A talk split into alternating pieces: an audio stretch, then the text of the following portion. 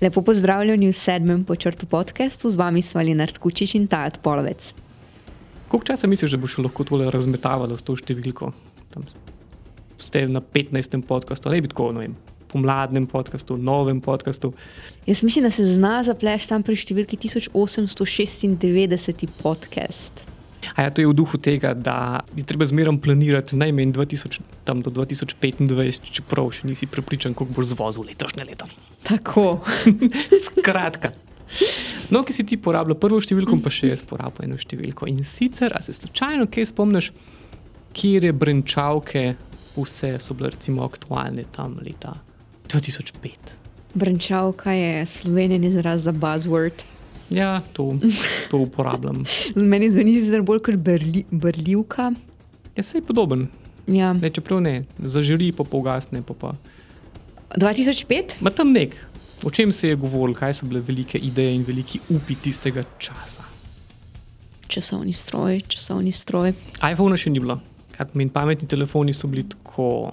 O Linuxu se ni več kaj dosti govorilo, Wikipedija je že samo umevna. Vsi pa smo bili prepričani, da nova politična revolucija se bo zgodila na spletu. Ta ideja je bila meni zmerno tako hecna. Veš, vzameš tako malo tehnološkega utopizma, malo površno, ne, oziroma nekaj ne prebereš starih Grkov, nekaj idealiziraš ne stare politične procese, ki se jim reče neposredna demokracija, in potem rečeš, evo, zdaj imamo naenkrat tehnološka orodja, kjer lahko vsi državljani povejo točno tisto, kar mislijo, povejo vladajočim, kako bi bilo bolj vladati in podobno, in imamo eno tako digitalno agoro. Kako si temu rekli? Ja, digitalna agora bo pravi izraz za to. No, in mi se bomo danes v današnjem podkastu ukvarjali s portalom za e-demokracijo, za katerega obstoj morda mnogo poslušalcev ne ve, ali pa so že pozabili, da obstaja tudi to je možno in sicer predlagam vladi.si. Ali pa so zelo presenečeni, da ta portal še obstaja. Sama pobuda, portal je zaživela pred koliko, osmimi leti. Ideja je bila pa taka, da je treba državljanom dati na voljo eno digitalno platformo, kjer bi lahko državljani predlagali recimo, različne spremembe zakonov, pa nove zakone, pa nove ureditve, popravke zakonov. Skratka, ukrepe, s katerimi bi lahko postalo življenje v tej državi nekaj boljše, ali pa ki bi saj pomagali ali pa rešili kakšne probleme določeni skupini prebivalstva. Država pa ne bi te predloge prebrala, upoštevala, komentirala in če bi izpolnjevali vse kriterije, dejansko uresničila. No, to je bila teorija. Nama se bo kasneje pridružila avtorica člankov, današnja gostja Urša Savnik. Dejansko je bil to ta tema, ki je rezultirala v objavi treh člankov na počrtu Pikasi, v bistvu njena debitanska tema na počrtu, bi se lahko rekla. Res je, ker je med drugim izvedla tudi to, da ko je komunicirala s pristojnimi ljudmi na uradu vlade za komuniciranje, so jim med drugim tudi povedali. Ja, veste, sej na to temo je že par ljudi diplomiralo, ampak noben jih hoče imeti toliko podrobnih informacij, kot vi, kar seveda neki povejo. Um, Ljudje, ki jih pošljemo čez počrto. Ja, pa recimo o kriterijih za objavo, dobro, če se še malo pohvalimo. In, uh, ja, in je povedala, da je pravzaprav morala tudi ona pridobivati podatke, za kjer je mislila, da bo tako stvar razmeroma preprosta, pa je ugotovila, da sploh ni. Kar je seveda pa tudi zanimivo, ker v tistem času je bilo res več takih idej ali pobud v imenu e-demokracije, ki so pa, lahko rečemo, temu kršila osnovna pravila digitalnih projektov, pa političnih procesov, pa še česa, recimo, kaj je tebe tukaj najbolj presenetilo, ko si brala članek. Jaz moram reči, da sem jaz v bistvu precej presenečena nad ustrajnostjo uporabnikov. Če pogledamo pač pridobljene številke v člankih, da je bilo podanih predlogov, kljub temu, kar nekaj, glede na to, kako majhno število predlogov je, je vodilo do kakršne koli rešitve ali spremembe. Da, lahko govorimo o, strajn, o rečemo, optimistični ustrajnosti državljanov tukaj. Ja, in uh, ena od lepših stvari, predvsem, da je to, da v nasprotju s tako splošnim prepričanjem, da so ljudje samo še popolnoma apatični in da noč, da je dejansko bilo vse od začetka, ne glede na to, da ga niso reklamirali, da se ni res dobro vedel, kaj to obstaja, da niso imeli nobene posebne kampanje glede tega portala, da je bilo razmeroma veliko odziva. Torej, ja, imamo, govorimo o 6947 predlogih, ki so dobili pozitiven odziv od ostalih uporabnikov in od katerih je bilo nič cela 37 odstotka implementiranih, kar pa je. Hud odstotek. kar je res tako velik odstotek. Yeah. No, ampak ta neznansko velik odstotek ni predvsem recimo, temu, tehnološka tema, ampak zelo dobro pokaže in upozori na nekaj drugega in sicer na same procese političnega odločanja in na to, kako digitalna urodja, ne glede na to, kako jih zasnuješ, nič ne pomagajo, če ni tudi vsega ozadja zadnji. No, in zaradi tega sem se odločila, da bova ta podcast pripravila v dveh delih. V prvem delu se bomo torej ukvarjali s portalom predlagam vladi.si in njegovo analizo, v drugem delu pa se bomo lotili širše debate o tem, kako in na kak način pravzaprav je danes mogo se mogoče uspešno iti e-demokracijo, oziroma ali je e-demokracija, kot si ti rekel, že ta. Um, Brnčavka. Ki je izginila v tem roju buzzwordov. Sploh zaradi tega, ker v zadnjem času internet in politiko povezujemo skoraj izključno s troli, eh, dezinformacijo in drugimi takimi negativnimi pojavi, ki z digitalno agoro in podobnimi temi ideali nimajo kaj do zveze. Ja, to je področje zanimivo obratne. Od tega velikega upa, kako bo novo orodje, nov digitalni prostor omogočil to res uh, dobro, kvalitetno politično debato. Od tega, od e-demokracije do, do fake news in, in trolov in hate speech. Tako, ampak to bomo pripravili v drugi debati, kjer bo dejansko debata z večjimi gosti, ki se dolgo časa ukvarjajo s temi idejami in bojo tudi znali verjetno povedati kaj na to temo. Zdaj pa čas za ušo. Ne, Uršo lahko vprašamo, kako se je znašla tukaj, pa smo to že zvadili. Ja, to prislo. Ja. Mislim, če bi bila to neka posebna zgodba, ne, da, ampak ni. Um, preprosto sem poslala mail um, Anžetu, oziroma Anžetu in tebi, pa javil se je potem samo Anže. In jaz sem se potem zmenila za sodelovanje. On je rekel, da ne imam razmišljanja, v katerih temah bi lahko pisala. Sem predlagala par tem, na koncu so potem o tem predlagam vladi Pikasi delala.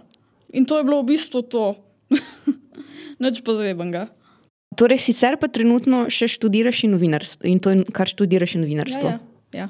In kaj te je pritegnilo točno pri tej temi? Zakaj te je zanimala ta zanimiva pogruntavšna iz daljnih časov, ko se je zdela e-demokracija še dobra ideja? Si se kdaj ukvarjala s to temo na faksu, prej pri kakšnem drugem predmetu? Ne, ne, nisem. Mislim, da sem imela že tako prej, so se dobila z Anžetom, pa začela razpravljati o možnih temah, da sem imela to temo nekje samo v zadnji. Vem, da sem enkrat že prej razmišljala, da je to taka tema, da se mi zdi, da bi mogoče bi bilo fajn raziskati, pa videti, kakšni so rezultati.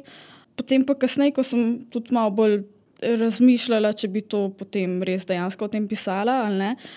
V bistvu sem se odločila tudi nekaj zaradi tega, ker ko sem govorila z um, raznimi prijatelji in znanci o tem portalu, ga dosti sploh ni poznala. Ne. Sem sprašala, predlagam vladi, kaj pa je to. Ne.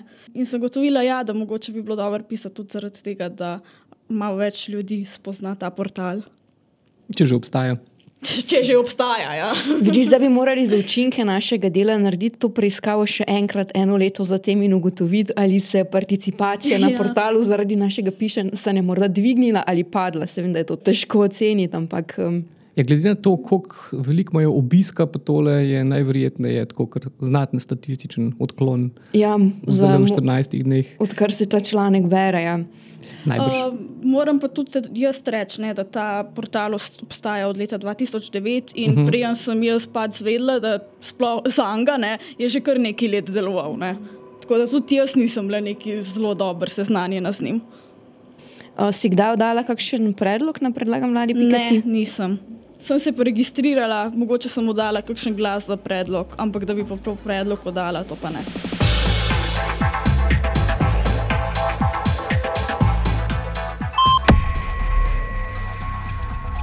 Zdaj, kako si se ti te teme lotila? So bili podatki dostopni, jih je bilo treba zbrati, eh, kakšna je bila metodologija?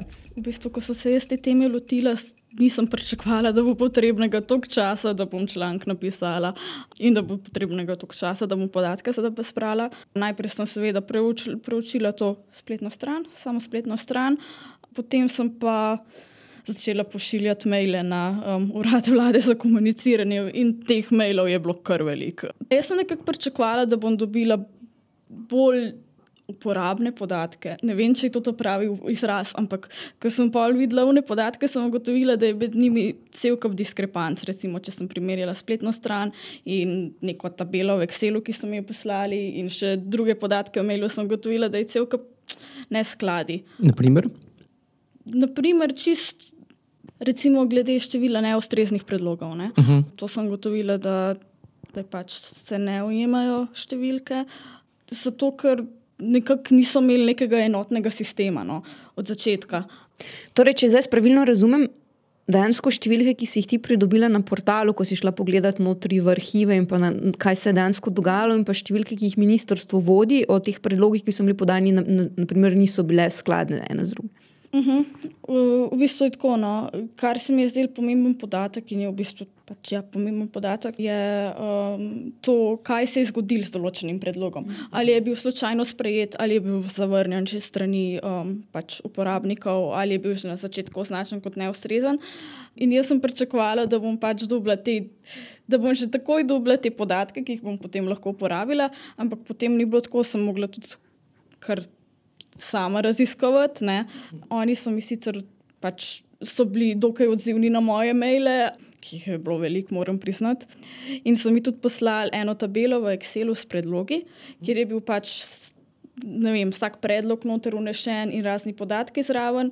In eden od teh podatkov je bil tudi status tega predloga. In sem mislila, o, fino, zdaj bom pa jaz to pač pogledala, koliko je predlogov označenih številko ena, ki pomeni to in to, in bom pač ugotovila, koliko je ta, teh in teh predlogov. Ampak ni bilo tako. Prvič, zato ker je bila ena od številk, ki je označevala predloge, ki so arhivirani in po določenem času grejo v ne vem, so šli vsi predlogi med arhivirane, tako da recimo za unije pač sploh nisem vedela, kaj je z njimi. Ne.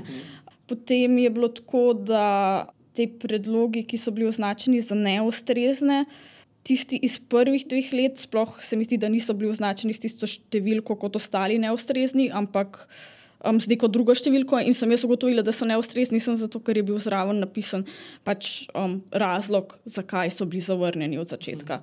Tako da v bistvu ja, najprej sem mogla nekako ugotoviti, kaj sploh hočem, po kateri metodi bom delala. Ja, se to je pravzaprav dober. Proces, ki ga na vse zadnje, vsi, ki zbiramo kakšne podatke, damo skozi, tega, te naše prve delovne hipoteze, tega, kar pol dobimo, pa pol, kaj v resnici sprašujemo, je včasih kar tak dolg proces. Ampak kaj je recimo pol po tem procesu tebe najbolj zanimalo? Kaj si na koncu, ko si se prebila skozi te začetne uvire hotla odgovoriti? Glavno vprašanje, glavna stvar, ki me je zanimala, je to, kaj se, kaj se je zgodilo pač z posameznim predlogom. Da bi potem ugotovila, koliko je recimo predlogov, ki so bili uh, sprejeti, koliko je predlogov, ki so bili zavrnjeni, in tako dalje. Ne. Tako da, ja, to sem potem, se mi zdi, da mi je uspel pač narediti dokaj. Um, Točno analizo. Mhm, pokazati. Um, ja. Je pa pač res ne, kot sem rekla, da sem se mogla pri tem bolj na se zanašati kot na tiste podatke, ki so mi jih pošiljali.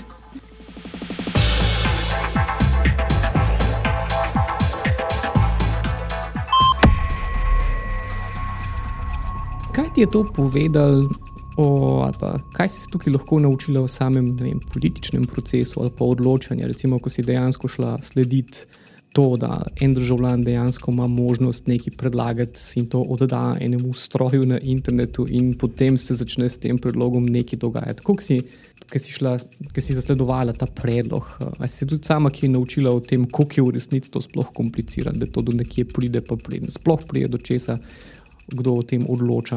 Ali je bilo to iz tega vidika tudi zate zanimivo? Kar sem izvedela, kar so mi v bistvu tudi potrdili na UKOM-u, ko sem bila tam na intervjuju, je bilo to, da imajo največji problem s tem, da ministrstva in vladne službe, katerim so posredovani ti predlogi naprej, da jih ne jemljajo dovolj resno in da. Pač ja, da si v bistvu želijo, da bi, da bi nekako bolj resno jih jemali. Kje pa misliš, da je glavni problem, ker jim ni treba? Ke... Mogoče ker cel proces ni dobro definiran. Sploh, mislim, oni, dobi, pač oni dobivajo z nekega portala neke predloge, ki so bolj ali manj skladni s politikami, s katerimi se ukvarjajo, in pol morajo nekaj narediti. V nekem roku, ki očitno tudi uh, nima, neki, mislim, nima posledic, če se, Verjetno, ne, ja. če se ga ne upošteva. V samem začetku delovanja portala, ko so ga oni postavili, so bili oni očitno precej nepripravljeni, da bo odziv takšen. Ker v prvih 24 urah se mi zdi, da so dobili nekje okoli 80 predlogov. In so mi tudi uh, v intervjuju na UKOM-u ja, sami potrdili, da so bili nekako nepripravljeni. In oni, in seveda tudi ministrstva in vladne službe, ki morajo odgovarjati na te predloge. Meni se zdi, da to je pač zapletlo malo situacijo. Ne? Samo ni zanimivo se to, če bi to primerjali s kakšnimi drugimi digitalnimi ali elektronskimi storitvami, je ni to podobno, kot če bi odprl spletno trgovino, pa bi pa dobil naročila, pa že kar plačeno robo, ne bi pa imel še robe, zalog, dobaviteljev, pošte, pa praktično nič. Ni to mal hecen način, da se lotiš digitalnih projektov, ampak ni pa tako neobičajen. Ja, v bistvu res. Postaviti neko rešitev v upanju, da je nihče ne bo uporabil. No, ampak to dobro kaže tudi na to, da, mm, da, zgleda, da tudi oni sami malo verjamejo v to idejo državljanske pasivnosti, ki v Sloveniji velja že skoraj kot samoumevna. Ja, morda. Čeprav moram reči, da to pojasni, zakaj niso šli v promocijo tega portala, če so jih že, če so jih že na začetku zasuli s predlogi, mm. ki jih niso uspeli, uspeli reševati dovolj ja. hitro.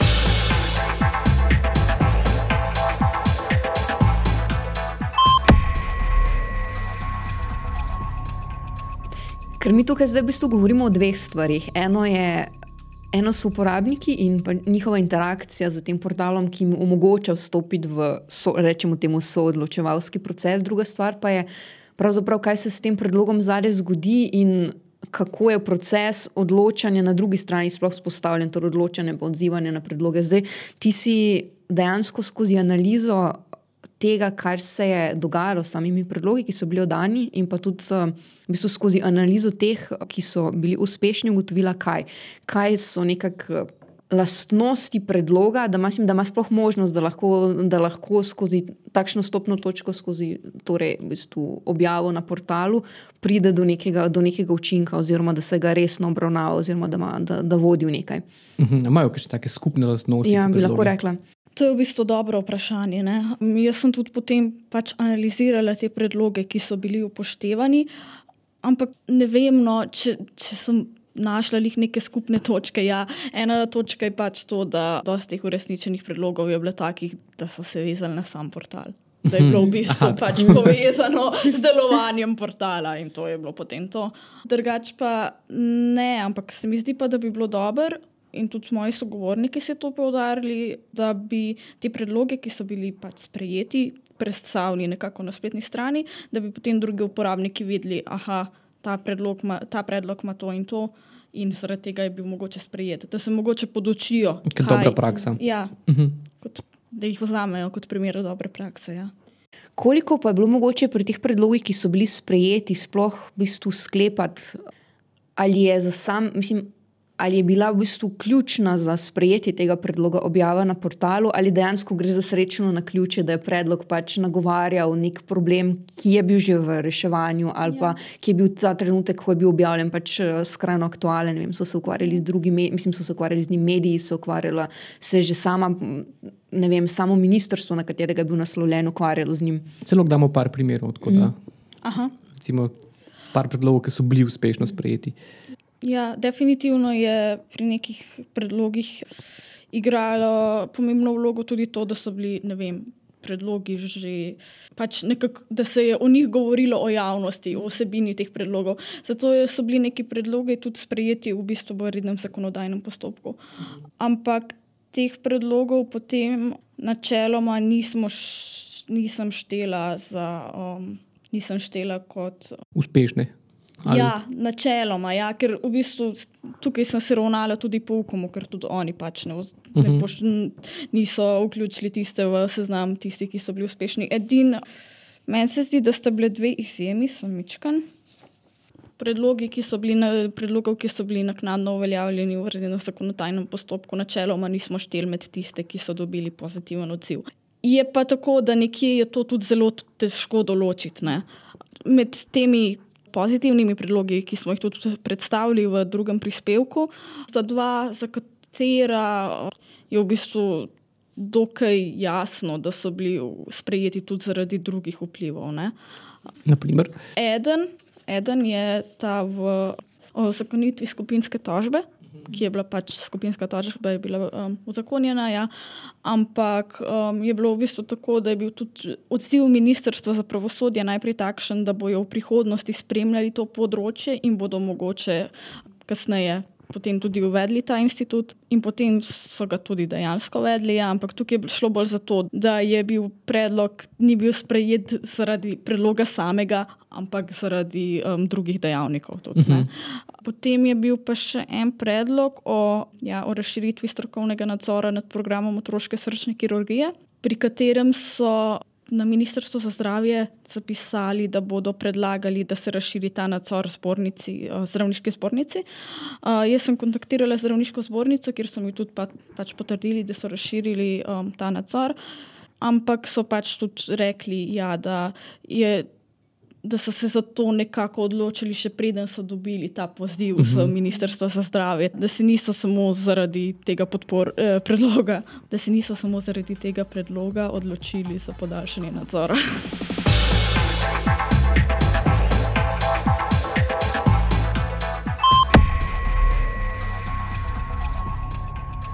Eno vprašanje, če mogoče, kako, kakšen je postopek, skozi katerega mora priti predlog objavljen uh, na spletni strani, da sploh pride v obravnavo. Torej, dejansko je več dejavnikov, uh, od ja. tega, da mora biti primerno spisan. Kar, uh, ja, res je. Predlog mora upoštevati neka pravila te spletne strani, ker če ne, že od začetka zavrnen, strani mod moderatorja, sicer je še vedno objavljen na um, spletni strani, ampak se ne da za anglasovati pač predlogi, ki so v redu spisani, gredo pa potem v glasovanje, v razpravo in glasovanje. Um, na portalu. Na portalu, ja. In v tej fazi morajo, v bistvu so omejene na določen čas, ampak predlog mora dobiti. Več glasov za kot proti, poleg tega mora pa za njega glasovati, morajo za njega glasovati vsaj 3 odstotke aktivnih uporabnikov. To so pa uporabniki, ki so se v zadnjih 30 dneh prijavili v sistem. Meni to je kriterij. Ja, to je kriterij. Uh mhm. -huh. Ta dva kriterija. In potem, če recimo predlog dobi pozitivno glasovanje dovolj velikega odstotka aktivnih uporabnikov, kaj se zgodi? Um, ja, potem se ga pač posreduje pristojnemu ministrstvu oziroma vladni službi. Uh mhm. -huh. Oziroma od leta 2015 je tudi tako, da se nekatere predloge pošle odboru za državno ureditev in javne zadeve.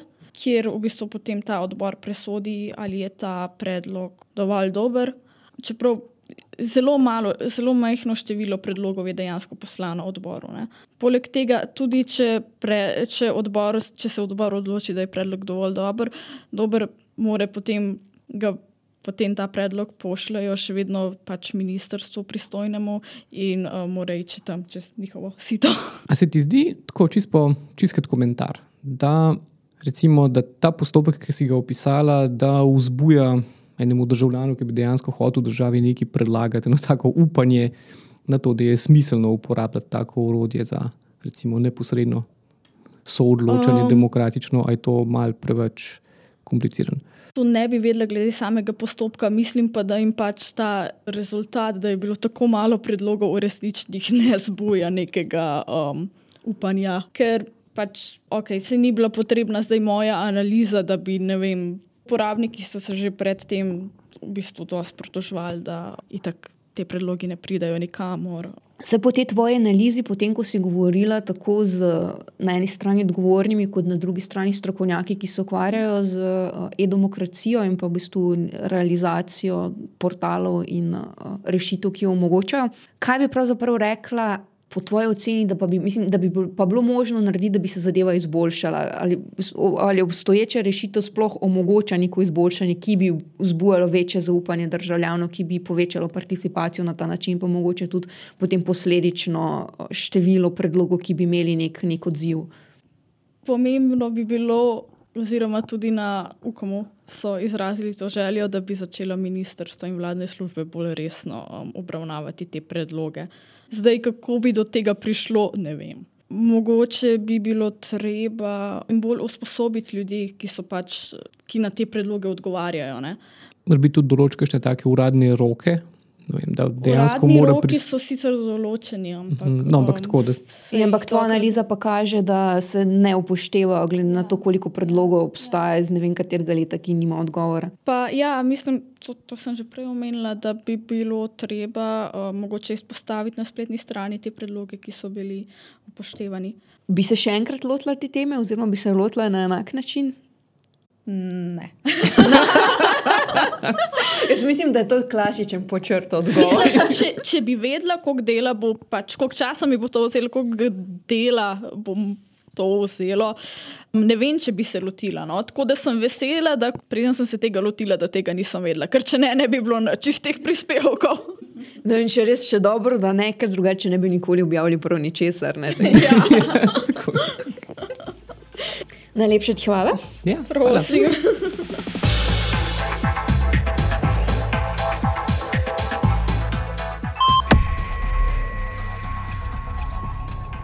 Z nami je bila torej Urša Savnik, avtorica preiskave o delovanju in učinkovitosti portala Predlagam vladi Pikasi, ki ta trenutek še ni povsem prepričana, če se hoče lotiti naslednje.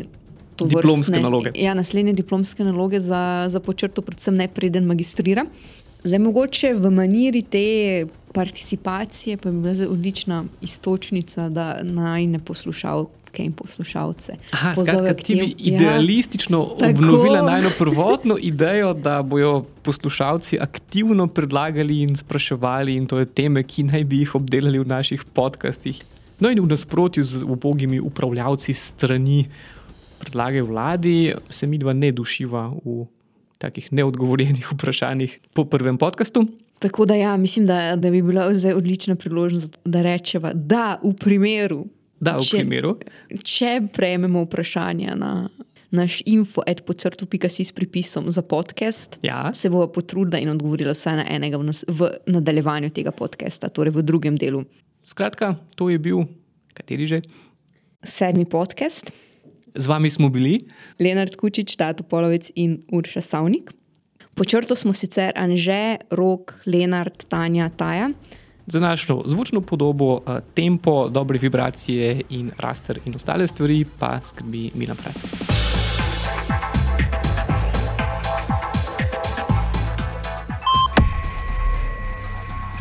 Eh, Pričemer si tudi pridružujeva določeno pravico, da na določene vprašanja, kot recimo.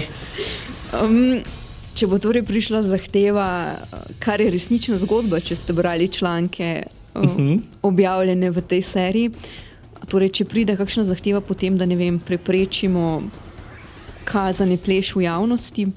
Hm, kaj to pomeni za redakcijo? Okay, Zdrezni vas, da če vidimo. Ta drugi del moramo, mislim, moramo imeti malo več repa in glave to, da zaposnila, to so v bistvu preskočila, sva v rep-up in šla direktno na smešen del. No, vidiš pa, kako malo.